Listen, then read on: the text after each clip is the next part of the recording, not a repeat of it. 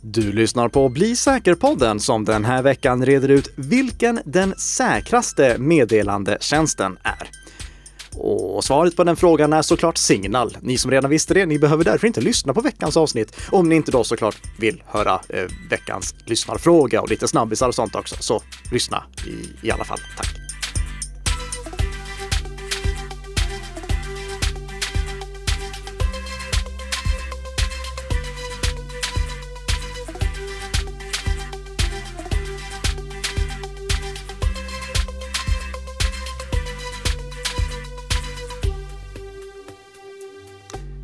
Ja, go- god morgon Tess! God morgon, god Det, morgon. det, jag- kom av mig lite där och avslöjade svaret direkt i, i inledningen. Ja, jag blev lite, lite förvånad. Eh, Anti-clickbait kan vi kalla det. Exakt. Eh, så- sånt gillar jag ju egentligen när- man får reda på svaret direkt.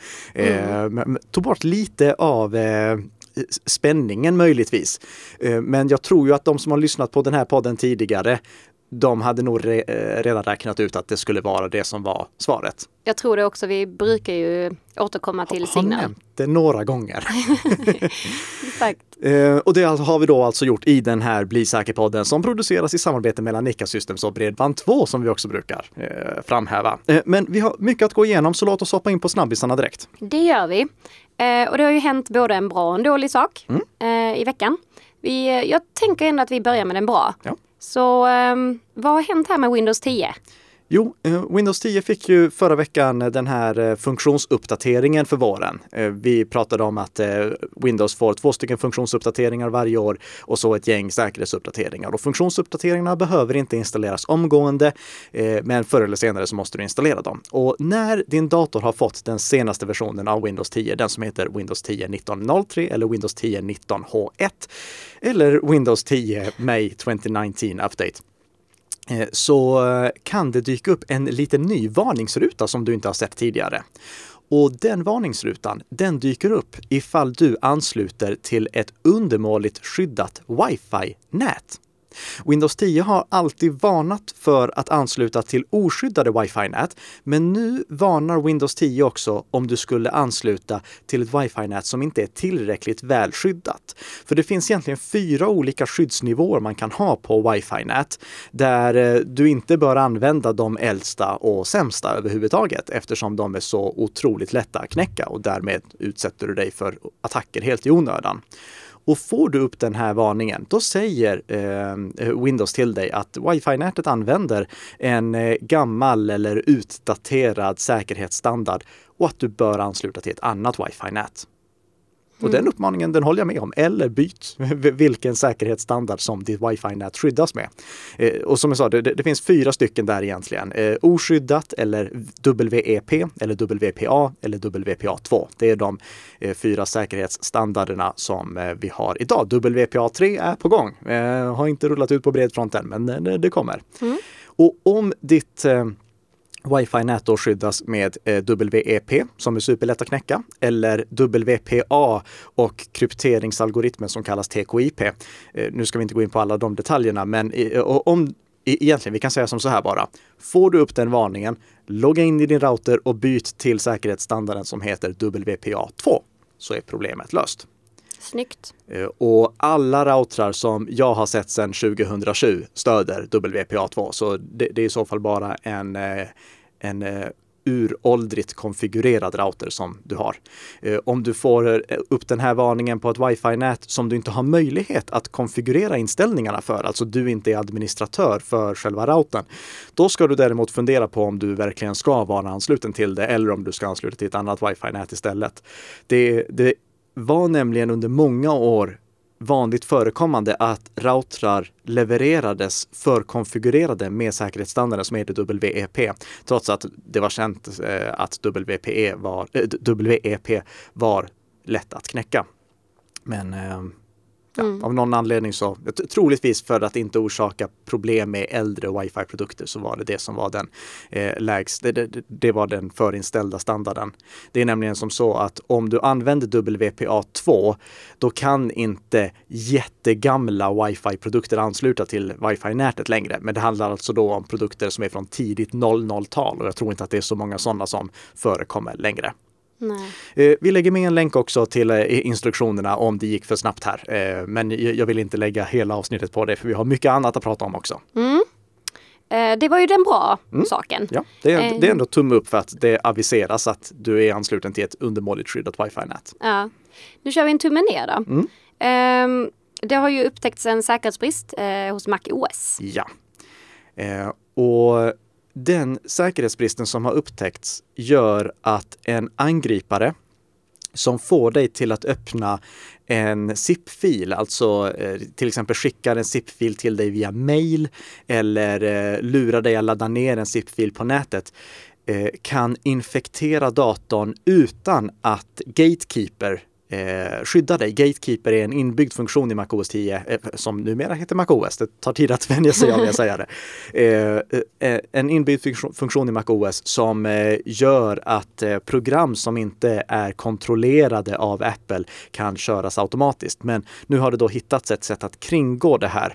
Och det som är problemet det är att sättet som man gör för att gå förbi den här eh, kontrollen, det, det är publicerat på nätet. Eh, Öppet för allas ögon. Vi lägger med en länk till också ifall ni vill se exakt hur man gör. Eh, och det, det, det kan ju låta dumt att en säkerhetsforskare har publicerat det, men det, det är faktiskt det som är branschpraxis. Eh, branschpraxis är att en säkerhetsforskare som upptäcker ett säkerhetshål informerar eh, företaget eller organisationen som berörs av det och ger dem 90 dagar på att åtgärda säkerhetsbristen innan han eller hon publicerar eh, sättet som man utnyttjar säkerhetsbristen genom. Är det för att lägga mer press på företaget? Ja, det är både för att poängtera för företaget att ni kan inte dra ut på det här och vänta i flera år innan ni åtgärdar det. Och det är också för att om en säkerhetsforskare upptäcker det, då finns det ju ingenting som säger att ingen annan har upptäckt det. Nej. Och därför måste det bli känt för liksom alla att det här är en säkerhetsbrist som finns. Den kan potentiellt utnyttjas. Apple hann inte släppa en eh, uppdatering för den här säkerhetsbristen innan den här 90 dagars fristen gick ut. Så nu är informationen publik och det gör att vem som helst som har, eh, le, le, ba, ja, det, det krävs inte mycket kunskap för att kunna utnyttja det här, men det måste ändå du måste ändå lura någon att öppna det här zip-arkivet. Så det är liksom inte superallvarligt, men det är väl värt att tänka på att den här bristen nu finns. I väntan, vi- vi kommer självfallet lyfta upp när eh, Apple har släppt uppdateringen här i podden, men i väntan på det så var extremt försiktig med vilka zip-filer du öppnar. Och slå på filändelser eller visning av filändelser i MacOS. Gör, gör det gärna i Windows också. Både Windows och MacOS visade tidigare filändelser så att man direkt såg vad det var för filtyp. Eh, numera döljer de filändelser som standard, troligtvis för att det ska se mer användarvänligt ut, men ur ett säkerhetsperspektiv är det en jätte, jätte, jättedålig idé. Så slå på eh, visning av filändelser genom att gå in i Finder-inställningarna eller i, i Windows då utforskarinställningarna, även om den här säkerhetsbristen inte berör Windows. Eh, men- slå på filändelser på din dator så är- är det lättare för dig att upptäcka om någon skulle försöka utföra en sån här attack mot dig. För i eh, just det här konkreta Mac-exemplet, då ser du till exempel att eh, ditt zip-arkiv inte innehåller en pdf-fil med en faktura, utan i själva verket en eh, exekverbar fil som då kan infektera dig. Det var verkligen en tumme ner där. Men då är det dags för veckans huvudämne och eh, vi tänkte ju då prata om säkra chattappar Mm. eller snarare vilken den bästa meddelandeappen är och det har vi ju redan Då har jag avslöjat. redan förstört. Ja, den är ju förstörd. eh, så låt oss prata om Signal. Ja. Och, eh, kan säga, vi- ska jämföra det med några andra chattappar också. Och eh, just eh, jämförelsen mellan Signal och Telegram. Det är det två av våra lyssnare som har bett oss göra. Eh, En som bad om det på Twitter och en som bad om det på Instagram.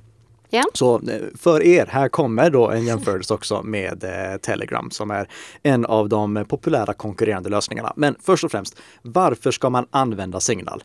Eh, för att det är säkert och för att det är superlätt att använda. Mm. Men kan inte du förklara lite mer om hur det funkar? Jo, vi, vi, vi kan ta installationsförfarandet först och främst. Eh, och om någon funderar, det, det här kanske låter komplicerat, men det är inte alls komplicerat. Så här använder du Signal. Du installerar appen, steg ett. Sen så eh, skriver du in ditt telefonnummer, steg två. Och sen är du klar, steg tre. Jätteenkelt. Mm. Eh, Lade du märke till att det var inget användarnamn, inget lösenord, ingen tvåstegsverifiering eller någonting sånt? Eh, ja. Eh, Och, och det, det, det här är det liksom det som är så genialt med Signal i sig, dess säkra simpelhet. Det, du, behöver inte något eh, lösenord eller tvåstegsverifiering för Signal är säkert i grunden och behöver inte det för att hålla sig säkert. mm. Jag kan förklara hur det, då, hur det här är möjligt överhuvudtaget, hur det kan vara säkert och simpelt. Ja, gör det. Eh, Telegram, eh, förlåt. Telegram. Ja, eh, Signal eh, är alltid för det första end-to-end krypterat. Det innebär att jag inte laddar upp mina meddelanden till en server där de möjligtvis skulle kunna dekrypteras eh, och Tess sen hämtar meddelandena från den här servern när hon vill läsa dem. Utan eh, jag krypterar meddelandena på min avsändande mobiltelefon och de är krypterade hela vägen fram till Tess. Tess är de, den enda som kan dekryptera dem och det gör hon på sin mobil. Och sen svarar hon mig med ett meddelande som endast jag kan dekryptera så att allting är krypterat från mig till Tess och från Tess till mig. Infrastrukturen som används för att vidarebefordra meddelandet vidarebefordrar endast meddelandet i dess krypterade form. Så Signal kan inte se innehållet i meddelandet. Eh, min operatör kan inte se innehållet i meddelandet. Ingen kan se innehållet i meddelandet förutom avsändaren och mottagaren. Vilka är det som ligger bakom den här förresten? Eh, de heter Open Whisper Systems. Okej. Eh, Och det är en eh, organisation som är finansierad eh, via donationer. Och här har vi då eh, nästa fördel med Signal. Det är gratis att använda och det finns ingen reklam. Mm. Eh, och de håller privacy-flaggan väldigt högt upp. Eh, de är väldigt noga med att respektera användarnas privacy. Mm. Integritet på svenska, förlåt. Hur är det med så här historiken, alltså konversationshistorik och så? Mm, det är en nack och fördel får jag säga. Okej. Eh, För ehm, när du skickar ett meddelande till mig Mm. och jag har tagit emot det, då ligger det bara på våra respektive enheter. Det ligger inte kvar på Signal server. Och det innebär att om jag byter mobil, då får jag inte med alla de gamla meddelandena. För de- finns liksom inte kvar på servern, jag kan inte ladda ner dem på nytt. Nej. Utan eh, historiken lagras endast på våra enheter. Så den vi- fysiska... Precis. Och vi kan Mm. backa tillbaka så länge vi vill. Men det finns inte någon backup eller någonting sånt att eh, om man byter mobil. Utan man- man ska vara medveten om att Signal är liksom byggt för att bara vara kommunikation mellan våra enheter utan att ha någon server där meddelandena lagras och potentiellt skulle kunna avlyssnas av nyfikna öron och Mm. ögon. Men jag tänker just det här, det, i och med att man inte behöver varken lösenord eller tvåstegsverifiering. Alltså hur funkar det då? Eh, d- när vi upprättar en eh, konversation på Signal, Mm. då skapar vi det som eh, Signal kallar säkerhetsnummer. Och vi kan jämföra våra säkerhetsnummer för att säkerställa att vi har direkt konversation med varandra så att vi inte är drabbade av en man in the middle-attack så som vi pratade om i ett tidigare avsnitt. Mm. Eh, Jag, jag repeterar därför inte vad man in the middle-attack innebär för det finns i ett tidigare avsnitt om ni vill lyssna och jag lägger med en länk till det. Men det, det säkerställer att vi inte kommunicerar via någon tredje part utan att vi kommunicerar direkt med varandra. Och de här säkerhetsnummerna genereras på nytt om vi skulle byta mobil. Om jag byter mobil, då ändras mitt säkerhetsnummer. Och det finns inget sätt för mig som angripare att återanvända det gamla säkerhetsnumret. Mm. Om jag byter mobil, då kommer du få upp en varning på din eh, mobiltelefon i konversationen där det säger att oj, nu är det någon som har ändrat eller nu har säkerhetsnumret ändrats. Du måste verifiera det på nytt. Då måste du verifiera på nytt på något sätt om du vill vara helt säker på att det är mig du pratar med. Att det fortfarande är jag som har kontroll över den här mobilen. Mm. För i och med att det bara förlitar sig på mobilnummer så skulle ju annars en angripare potentiellt sett kunna lura min operatör att ge honom eller henne ett simkort med mitt nummer Mm. och sätta in det i sin mobil och utge sig för att vara mig. Men det går inte att göra med Signal utan att samtidigt avslöja att eh, det har bytts mobiltelefon. för då är ju eh, inte längre säkerhetsnumren korrekta. Det kan fortfarande vara så att du känner dig lite rädd och om du är superparanoid, eh, vilket Ja. och, ja, två i det här rummet är. Superparanoid också. ja, eh, så ehm, eh, kan du sätta ett eh, eh, pinkodslås på ditt mobilnummer. Om någon skulle stjäla Eh, förlåt, och, och om någon skulle kapa mitt mobilnummer så- att de skulle gå till min operatör, lyckas lura min operatör att ge dem ett simkort med mitt telefonnummer och försöka utge sig för att vara mig på Signal, även om det då byts det här, eh, eh, eh det här säkerhetsnumret som dyker upp och det, det syns tydligt för mottagaren som de konverserar med att det har hänt någonting, att det är en ny mobil som är involverad Mm så kan de ändå inte göra det för att jag har aktiverat ett extra skydd som gör att man måste ha min PIN-kod också till Signal för att kunna aktivera Signal på en ny enhet med mitt nummer. Ah, Okej. Eh, Men igen, det är för de som är superparanoida. Anledningen till att jag nämner det här, det är att allt det här gör tillsammans att du inte behöver ha användarnamn, lösenord och tvåstegsverifiering. Utan du behöver bara ha ditt mobiltelefonnummer. Det är det som liksom är det geniala i simpelheten med Signal. Och när du har aktiverat Signal, då är det bara att söka upp dina vänner med deras telefonnummer och sen kan du börja chatta med dem. Förutsatt att de också laddar ner Signal då. Ja, men, men, men nu förutsätter jag ju att alla i hela Sverige, för vi har väl Såklart. Ja, det- det- att äh, alla laddar ner och installerar Signal på sina mobiler i och med att det är så simpelt. Så man har ju inte någonting att förlora på det. Nej. Och i och med att det dessutom är den bästa meddelandeappen enligt säker källa eh, så eh, eh, borde man ju använda den. Och jag kan säga att det, har- det har faktiskt börjat ta fart nu. Det var ganska trögt i början eh, för mig att få folk att prata med på Signal. Men i, i säkerhetsbranschen till exempel, där är Signal standardapp numera. Eh, jag eh, skulle prata med några av eh, kollegorna som jobbar på CS3-konferensen, en konferens som fokuserar på säkerhet i integrerade styrsystem.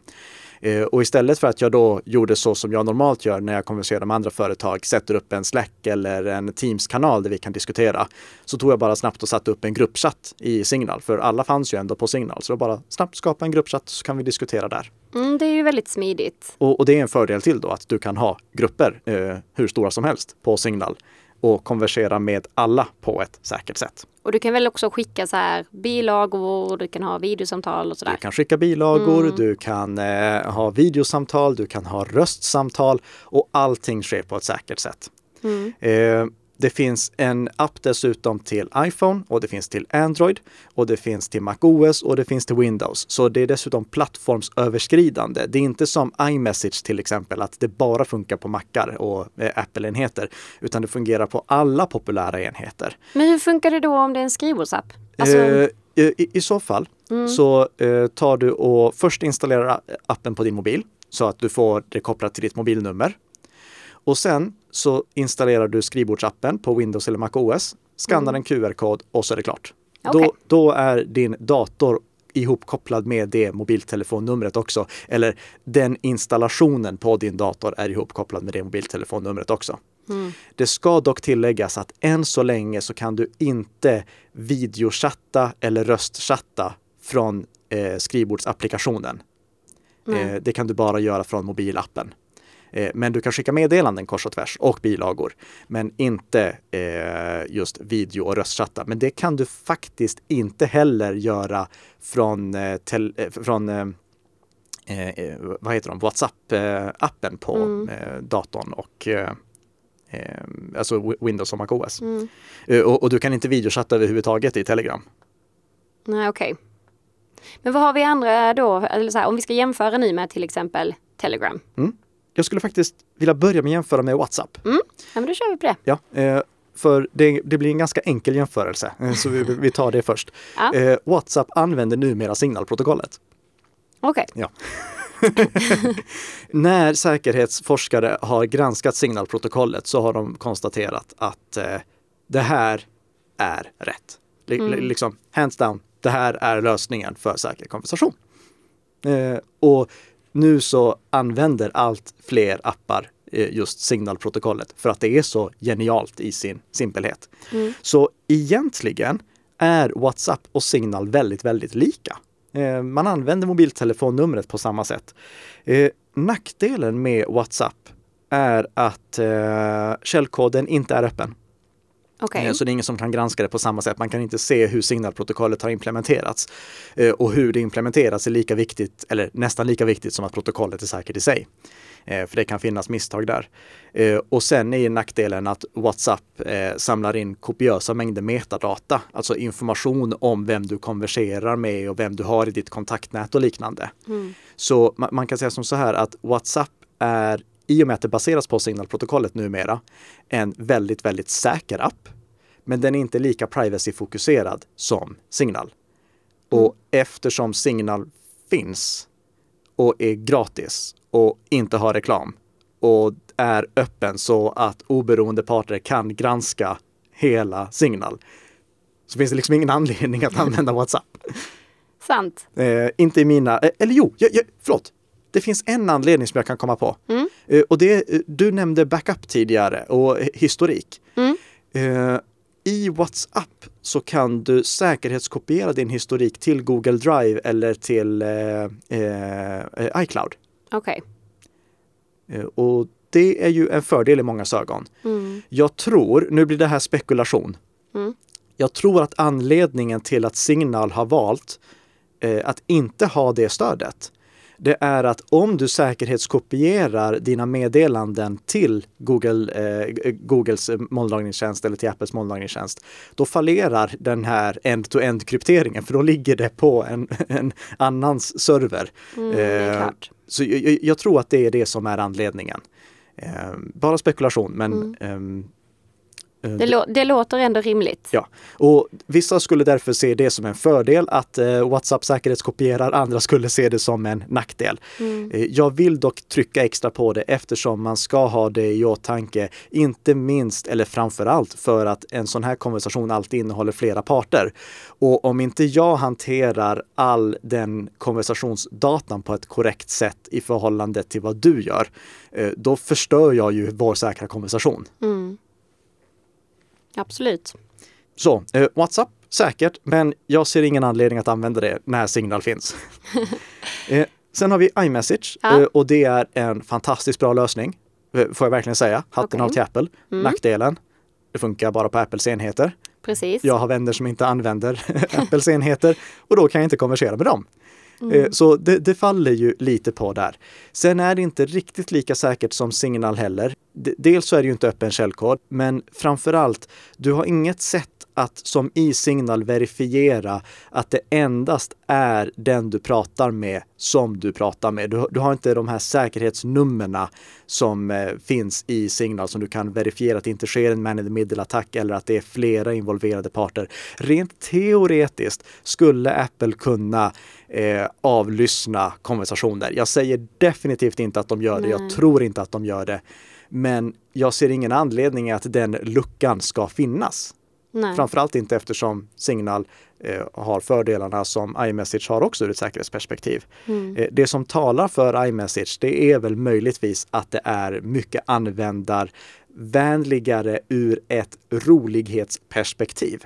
Sant. Och med det menar jag att Signal är troligtvis den tråkigaste appen du kan tänka dig. Eh, Signal fokuserar jätte, alltså teamet bakom Signal gör ett fantastiskt jobb med att liksom göra allting så att det fungerar precis som det ska enligt liksom skolboksexempel. Men de har missat att om de inte slänger in stöd för häftiga animationer och mer än bara några enstaka roliga giffar, då kommer inte den stora breda allmänheten att använda det. Det, det ser man liksom, Apple de tryckte på senaste utvecklarkonferensen jättemycket på deras eh, animoticons eller något sånt kallade de Uh, det. ja, något De- sånt. Ja, där man kan räcka ut tungan och liknande. Eh, Signal, lägg in något sånt dumt också. Eh, lägg in något sånt dumt så är jag övertygad om att fler kommer börja använda det. Jo men det är faktiskt sant för det var min första tanke när jag eh, laddade ner det. Ja, Att ja, mm, jo det är ju inte riktigt som iMessage. nej, eh, det är jättetråkigt. Det tilltalar sådana som mig. Eh, det tilltalar inte sådana som min systerdotter eh, alls. Satte du precis med jämförde mig med din systerdotter nu? Lite. nej, det, det, var faktiskt när jag försökte få henne till att börja använda Signal. Ja. Eh, och, och jag sålde in det till henne på ett väldigt dåligt sätt för hon förstod inte alls vad Eh, Hej Ellen, om du lyssnar på det här förresten. du får jättegärna lägga till mig på Signal igen. eh, alla coola kids kommer använda Signal, det vet du. Absolut. Mm, och coola kids, det är då alltså en term som är jättecool att säga. Ja, gärna med Z på slutet. Absolut, absolut. Eh, Okej, okay. ska vi ta Telegram också? Mm. Eh, jag eh, tog faktiskt och letade upp en gammal artikel som jag skrev 2016. Några år på nacken där ja. Ja. Och eh, den ligger arkiverad på Nika Systems webbplats. Så alla som vill läsa den kan läsa den. Eh, men jag poängterar också i inledningen av den att det inte är en aktuell artikel. Rubriken lyder Bästa meddelandetjänsten heter Telegram. Ouch! Mm, den eh, står du inte fast vid längre. Inte rubriken. Eh, Nej. Innehållet står jag faktiskt kvar vid. Ja, det det. Jag, jag, skriver så här bland annat. Ni kan läsa helheten om ni vill, men eh, jag läser lite urvalda delar. Jag har länge letat efter den optimala meddelandetjänsten. Förr i tiden var Google Hangouts min favorit, men av någon anledning verkar Google snarare avveckla än utveckla sin Hangouts-tjänst. Och om jag eh, avbryter läsandet lite, eh, ja, det kan vi konstatera. De har tagit bort den ur konsumentsammanhang helt och hållet. Eh, den finns bara kvar i Enterprise-sammanhang. Mm. Eh, eh, låt oss fortsätta. Det var därför dags att hitta en ersättare. Alla mina vänner fanns på Facebook Messenger, men jag gillar inte Facebooks meddelandetjänst eftersom den saknar appar för Windows och MacOS 10. Eh, bla, bla, bla, bla, bla. Eh, och sen så kommer vi eh, till eh, ett annat stycke. Under veckan som jag har testkört Telegram har apparna och tjänsten fungerat mycket stabilt. Notiserna har dykt upp där de ska. Apparna använder operativsystemens standardkomponenter och är anpassade för skärmar med hög pixeldensitet, vilket alltid ger pluspoäng hos mig. Gruppchatt fungerar också riktigt bra och den senaste veckan har vi på Kjell Companys utbildningsavdelning använt eh, Telegram för att kommunicera med varandra. Eh, för er som inte känner till det, 2016 då jobbade jag som utbildningschef på Kjell Company. Jag kan skydda mitt konto med tvåstegsverifiering och det finns möjlighet att skicka krypterade meddelanden. Telegram är inte den säkraste tjänsten, men Telegram erbjuder enligt mig en bra balans mellan användarvänlighet och säkerhet. För att inte skrämma bort användare har Telegram gjort det superenkelt att komma igång. Det räcker med att ladda ner appen och ange sitt telefonnummer. Telegram har dessutom gått ett steg längre när det gäller säkerheten än många konkurrerande tjänster och det är i mina ögon tillräckligt.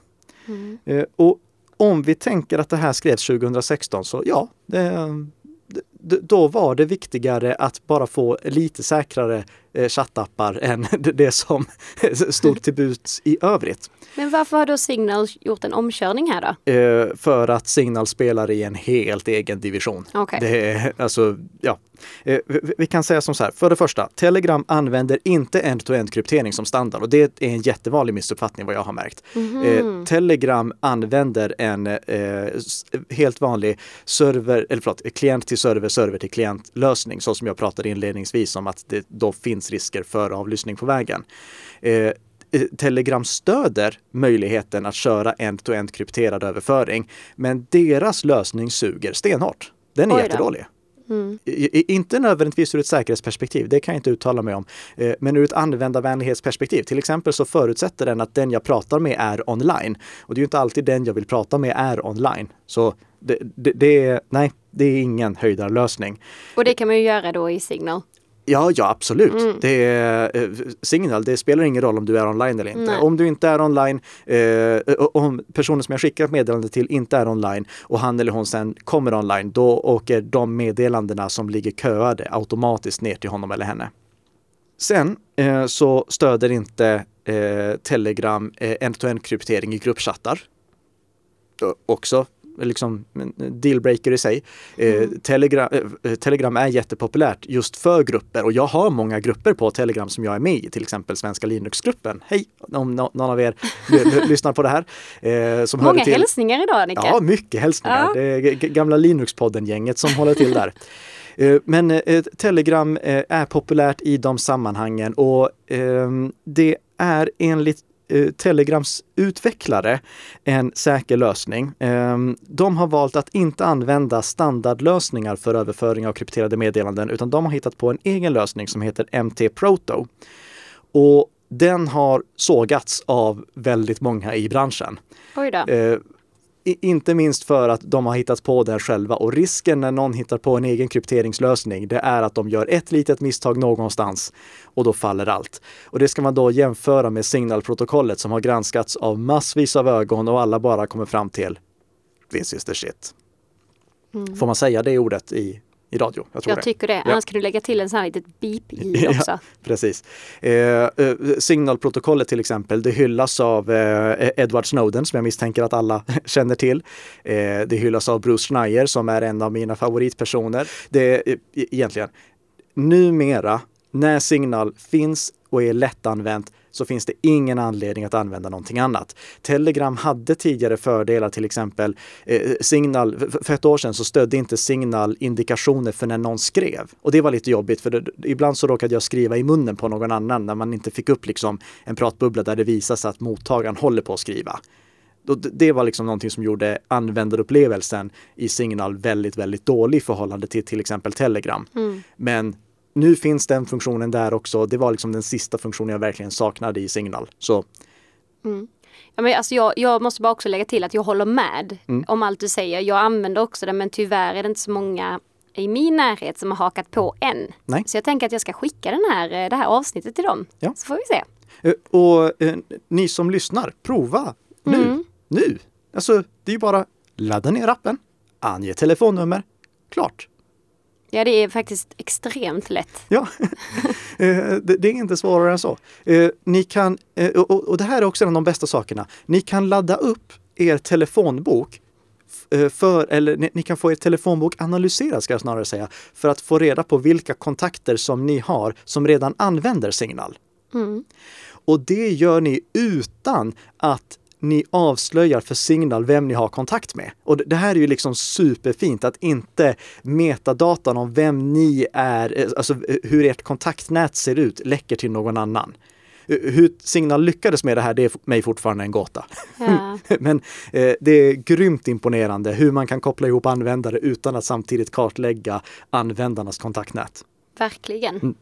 Så eh, gör jättegärna det. Och om ni använder Android så får ni dessutom en bonusfunktion. Då kan ni nämligen använda signalappen för att skicka vanliga sms också. Så då behöver ni inte en app för sms och en app för signal, utan signal samlar allt. Även om självfallet sms som skickas via signalappen inte är lika säkra som signalmeddelanden. Eh, mm. Eller säkra överhuvudtaget för den delen. Mm. Härligt! Mm. Så om jag bara får sammanfatta. Mm. Eh, vad ska du använda för app? 1. Signal. Eh, det är den. Och om du inte vill använda Signal av någon väldigt outgrundlig anledning så får du för det första jättegärna meddela varför. För det skulle vara väldigt kul att få in era åsikter eh, för att liksom eh, få en, lite nyans i det hela. Eh, jag är ju en väldigt angelägen förespråkare av Signal. Om ni upplever att det finns något problem med Signal, skicka in det så lyfter vi det garanterat i podden. Och ni kan ju nå oss på alla möjliga sätt, eh, vilket ni redan vet. Mm. Eh, om du inte vill använda Signal i alla fall, använd då WhatsApp.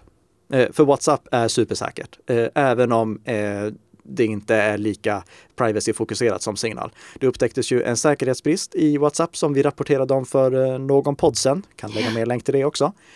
Och ja, det kommer det göra. Det har upptäckt säkerhetsbrister i signalapparna också. Eh, det viktiga är att uppdatera dem så att man håller sig säker. Mm. Uh, och om du inte vill använda WhatsApp